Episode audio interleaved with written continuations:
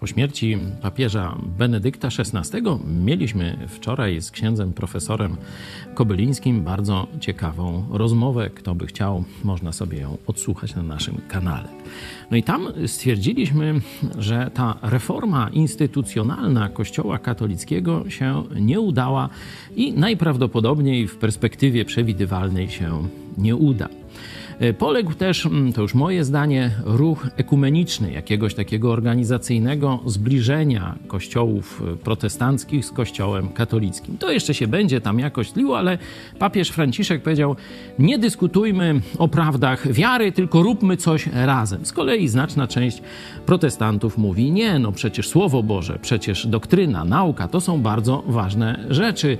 Nie udawajmy, że nic nas nie dzieli. Gdzie więc mają się spotkać prawdziwi uczniowie Jezusa Chrystusa? Ja sobie odpowiadam jasno, idąc troszeczkę za tokiem rozumowania papieża Benedykta XVI, że prawdziwi czciciele Jezusa spotkają się gdzie? Nie w ramach ruchu ekumenicznego, nie w tym czy w tamtym kościele. Mówię o ludziach z różnych stron tych podziałów. Oni spotkają się przy Jezusie Chrystusie. Ten kierunek można zobaczyć także w nauczaniu Jezusa. Zobaczcie Ewangelię Łukasza, 9 rozdział, kiedy apostołowie, widząc jakichś innych ludzi, którzy mówią o Jezusie, wyganiają demony, zabronili im.